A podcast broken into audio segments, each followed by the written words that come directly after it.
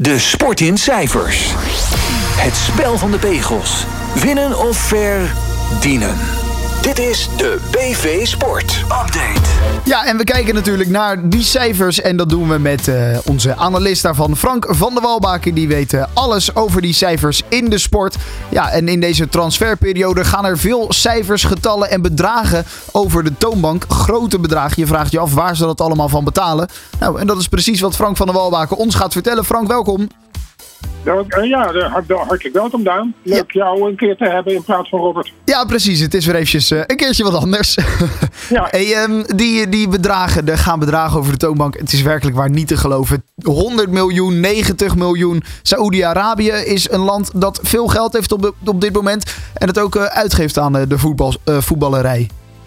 Ja, kan je wel zeggen. Het, uh, we worden eigenlijk, ik zou bijna willen zeggen uh, wekelijks, maar het is bijna dagelijks worden we geconfronteerd met weer nieuwe getallen.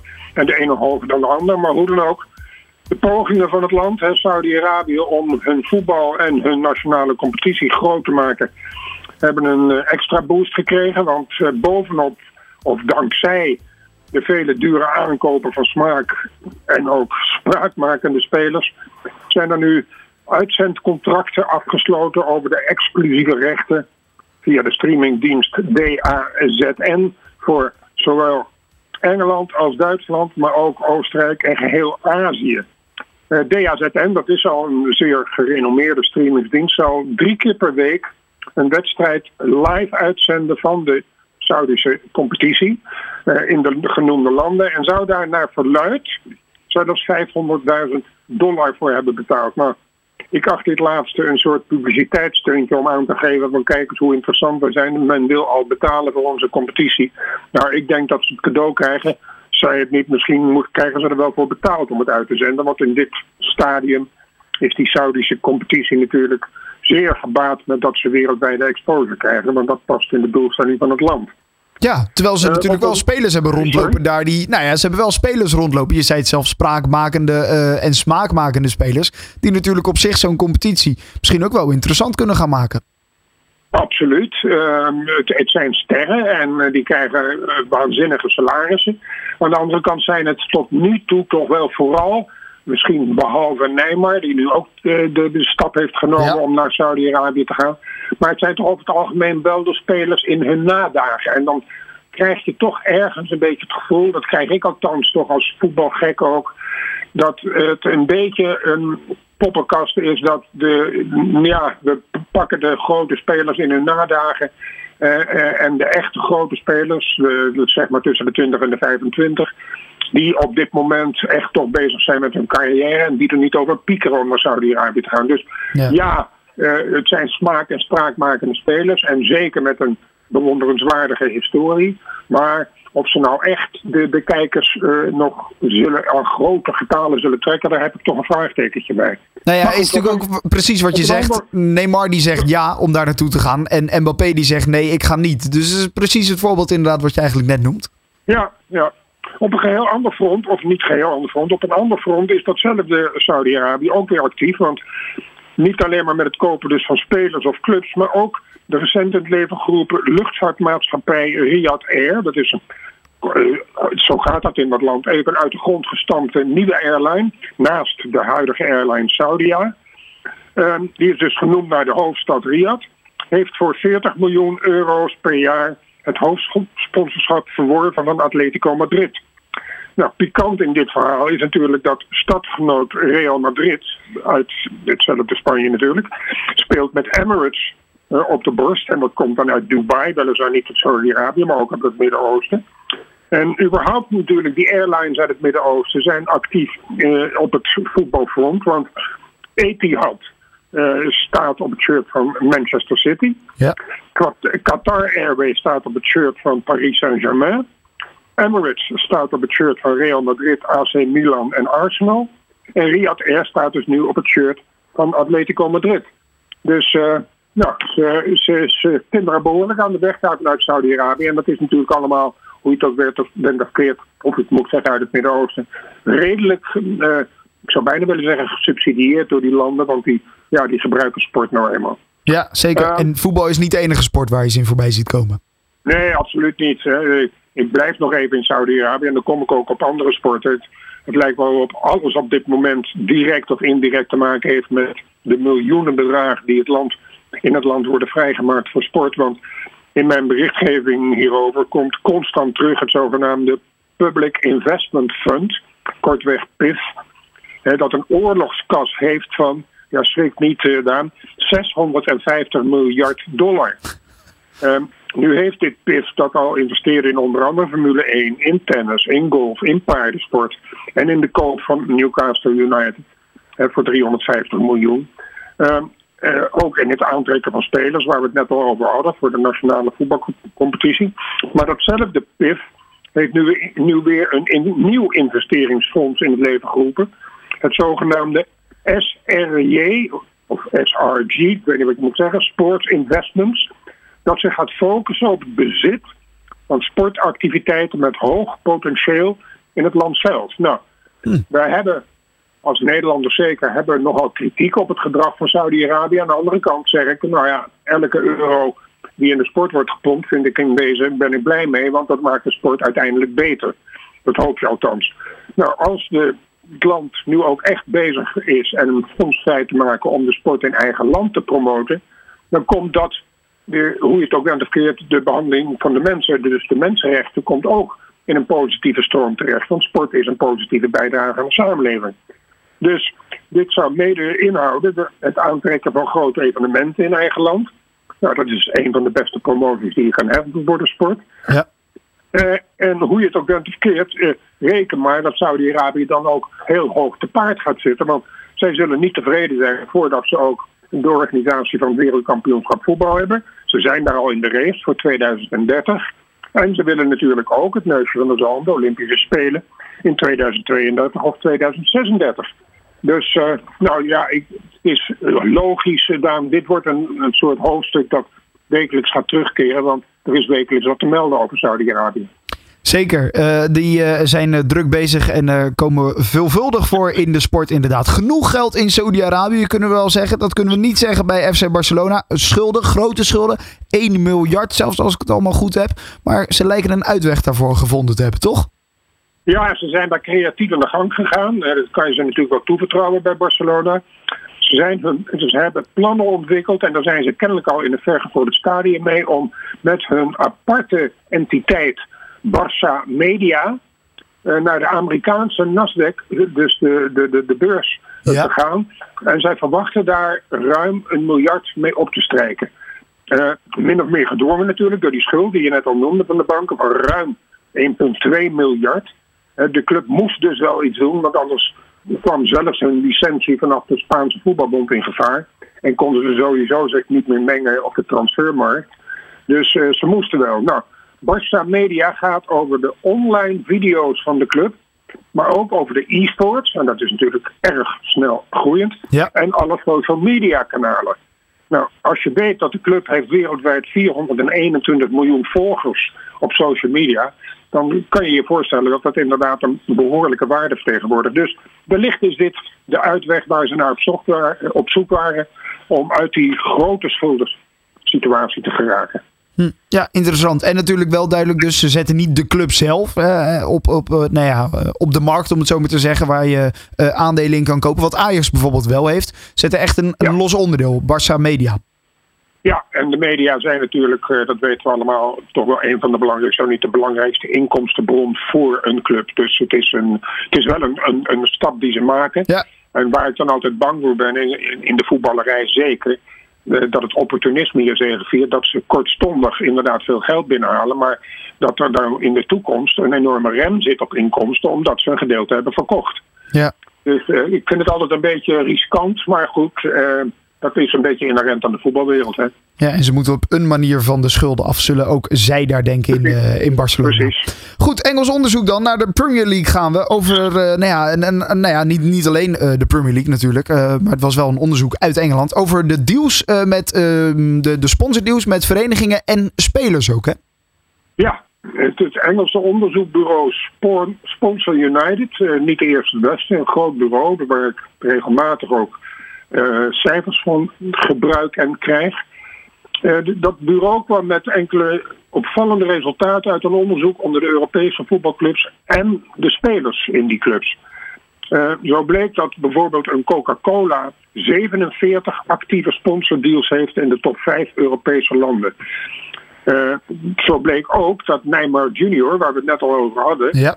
uh, recentelijk vertrokken bij Paris Saint-Germain naar Saudi-Arabië. Maar die inzelfde Neymar Junior, die komt nu dus uit Saudi-Arabië, die bezit reeds um, 31 privé sponsorships. Je, je, vraagt je af of zijn sponsorship nog überhaupt waarde heeft. Want als Ja. 31 bedrijven met zo'n speler aan de haal gaan. De een wil nog meer dan de ander en de een zal nog meer gebruik maken van hem. Wat is dan nog de waarde van een uitlating van zo'n ene speler? Maar goed, dat is een discussie die zullen ongetwijfeld het management van die speler wel hebben ondernomen en gevoerd hebben met alle potentiële adverteerders en bestaande adverteerders. Maar goed, hij wordt gevolgd eh, door Lionel Messi.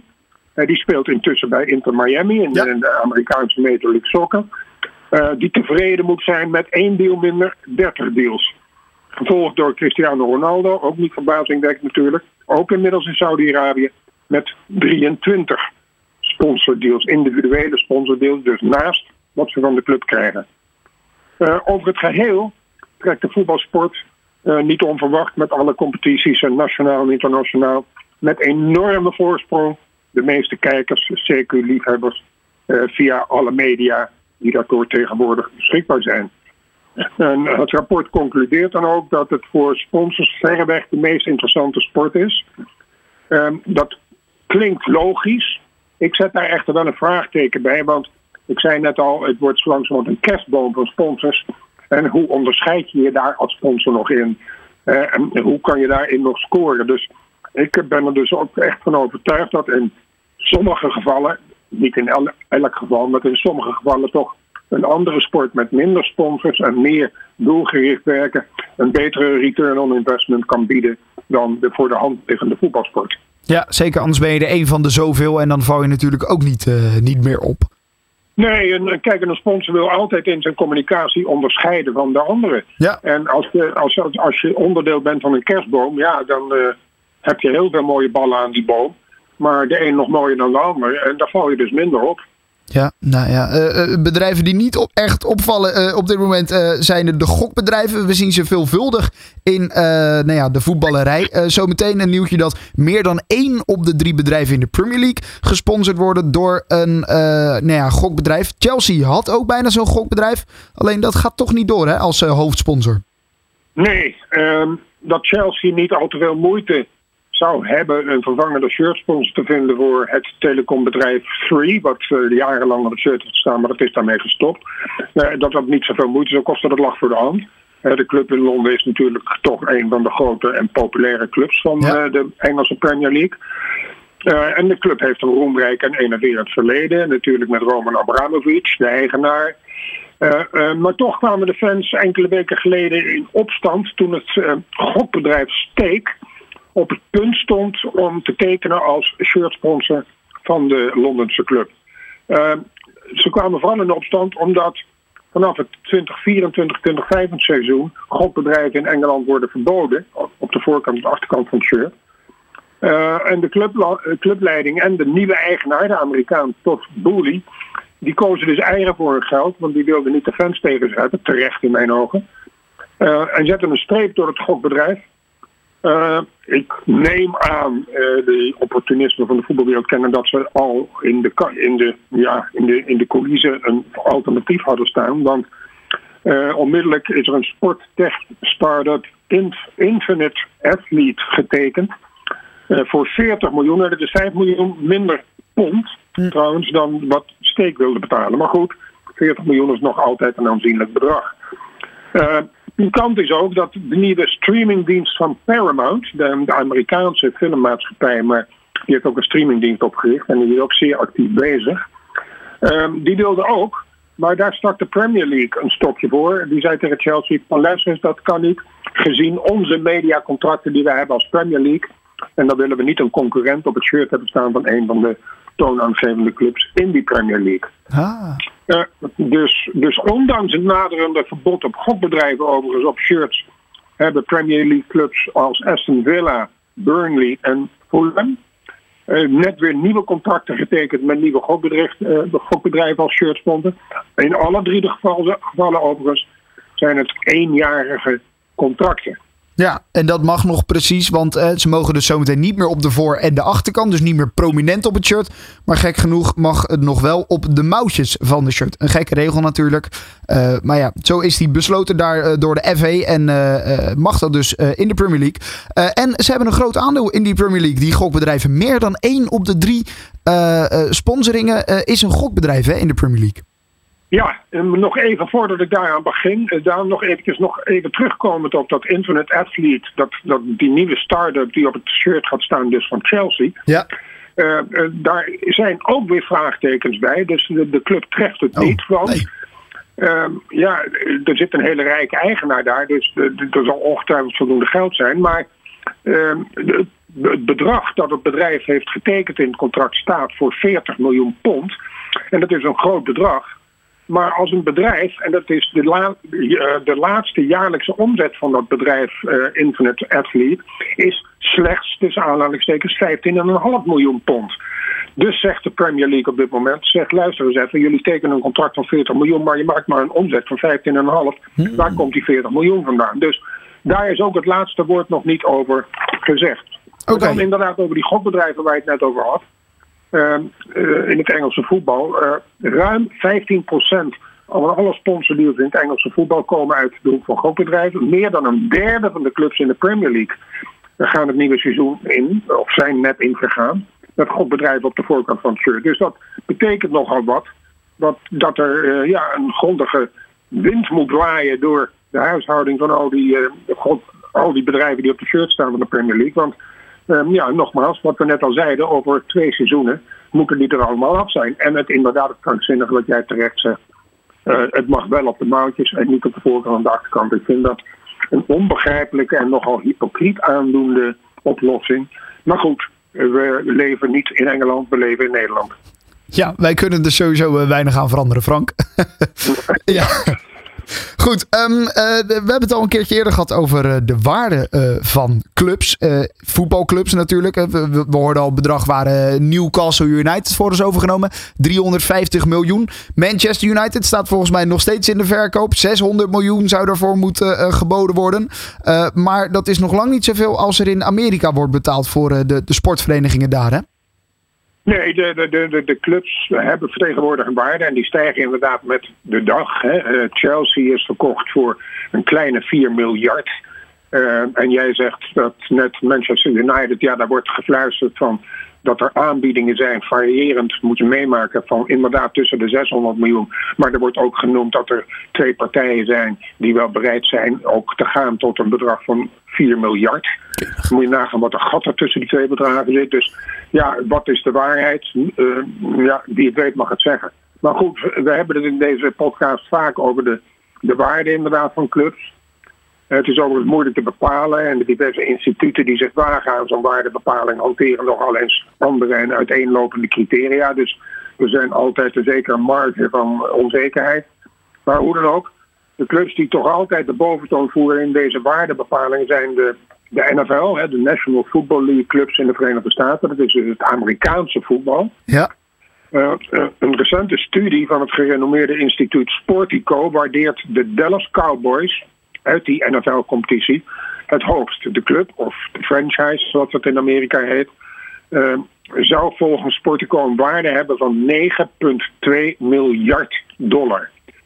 Nou, dat is nogal wat. En, en de gezamenlijke waarde van de 32 franchises in de NFL zou 165 miljard zijn. Hetgeen de gemiddelde waarde dus ruim 5 miljard maakt van de elke NFL-franchise. En dat is 24% meer dan een jaar geleden. Dus in één jaar stijgt de waarde van zo'n NFL-club uh, met 24 procent. Uh, dus dat geeft wel aan hoe uh, interessant de sportbusiness is geworden. Niet alleen voor de sportfans, zoals jij en ik, maar ook voor gewoon financiële instellingen. In sport is meer te verdienen dan op de beurs. En in sport is meer te verdienen dan, dan zeker dan via een depositorekening. Ja, maar dan toch even, Frank, toch even dan de vraag hoe, jij zegt net, hè, het is lastig om op te stellen waar, wat, wat de waarde nou is van zo'n van zo'n uh, nou ja, sportclub inderdaad. Dat snap ik. Maar waar kijken ze naar? Shirtverkoop, uiteraard, daar verdient zo'n vereniging aan. Um, de, de, de, de, de fans die een kaartje kopen of een seizoenskaart hebben, daar verdienen ze aan. Nou, de sponsoren, daar verdienen ze natuurlijk ook aan. Maar waar kan je nou nog meer aan verdienen? Want dat zijn even de drie dingen die ik snel op kan noemen. En ja, dan houdt het bij mij op. Hoe kom je op een waarde van, van 5 miljard? dat zijn de, de, noem ik zou bijna willen zeggen, de traditionele in, uh, inkomstenbronnen. Ja. Hè, recetten, recettes, uitzendrechten en uh, sponsors. Ja. Hè, maar we leven nu in een wereld, met name door het veranderende medialandschap, hè, waarin de volgers op social media ontzettend veel waard zijn weer voor bedrijfsleven en voor sponsors. Uh, en, en, en de uitzendrechten door het veranderende medialandschap zijn ook enorm gestegen. Het waren vroeger de traditionele zenders. Tegenwoordig hebben we daar niet alleen de commercial zenders bij gekregen, maar we hebben daar ook de streamingdiensten bij gekregen. En die zijn allemaal op dit moment in gevecht, tussen aanhalingstekens, om uitzendrechten van sport. Dus hoe meer er geïnteresseerd zijn in sportrechten, hoe hoger de prijs. Het is gewoon het marktmechanisme vraag en aanbod. En, en, en, en, ik ben ervan overtuigd dat er dan ook nog natuurlijk een bijdrage geleverd wordt naar uh, de situatie in het Midden-Oosten. Uh, maar ook vanuit landen uh, uit het Verre Oosten, waar men de kracht van sport heeft ontdekt.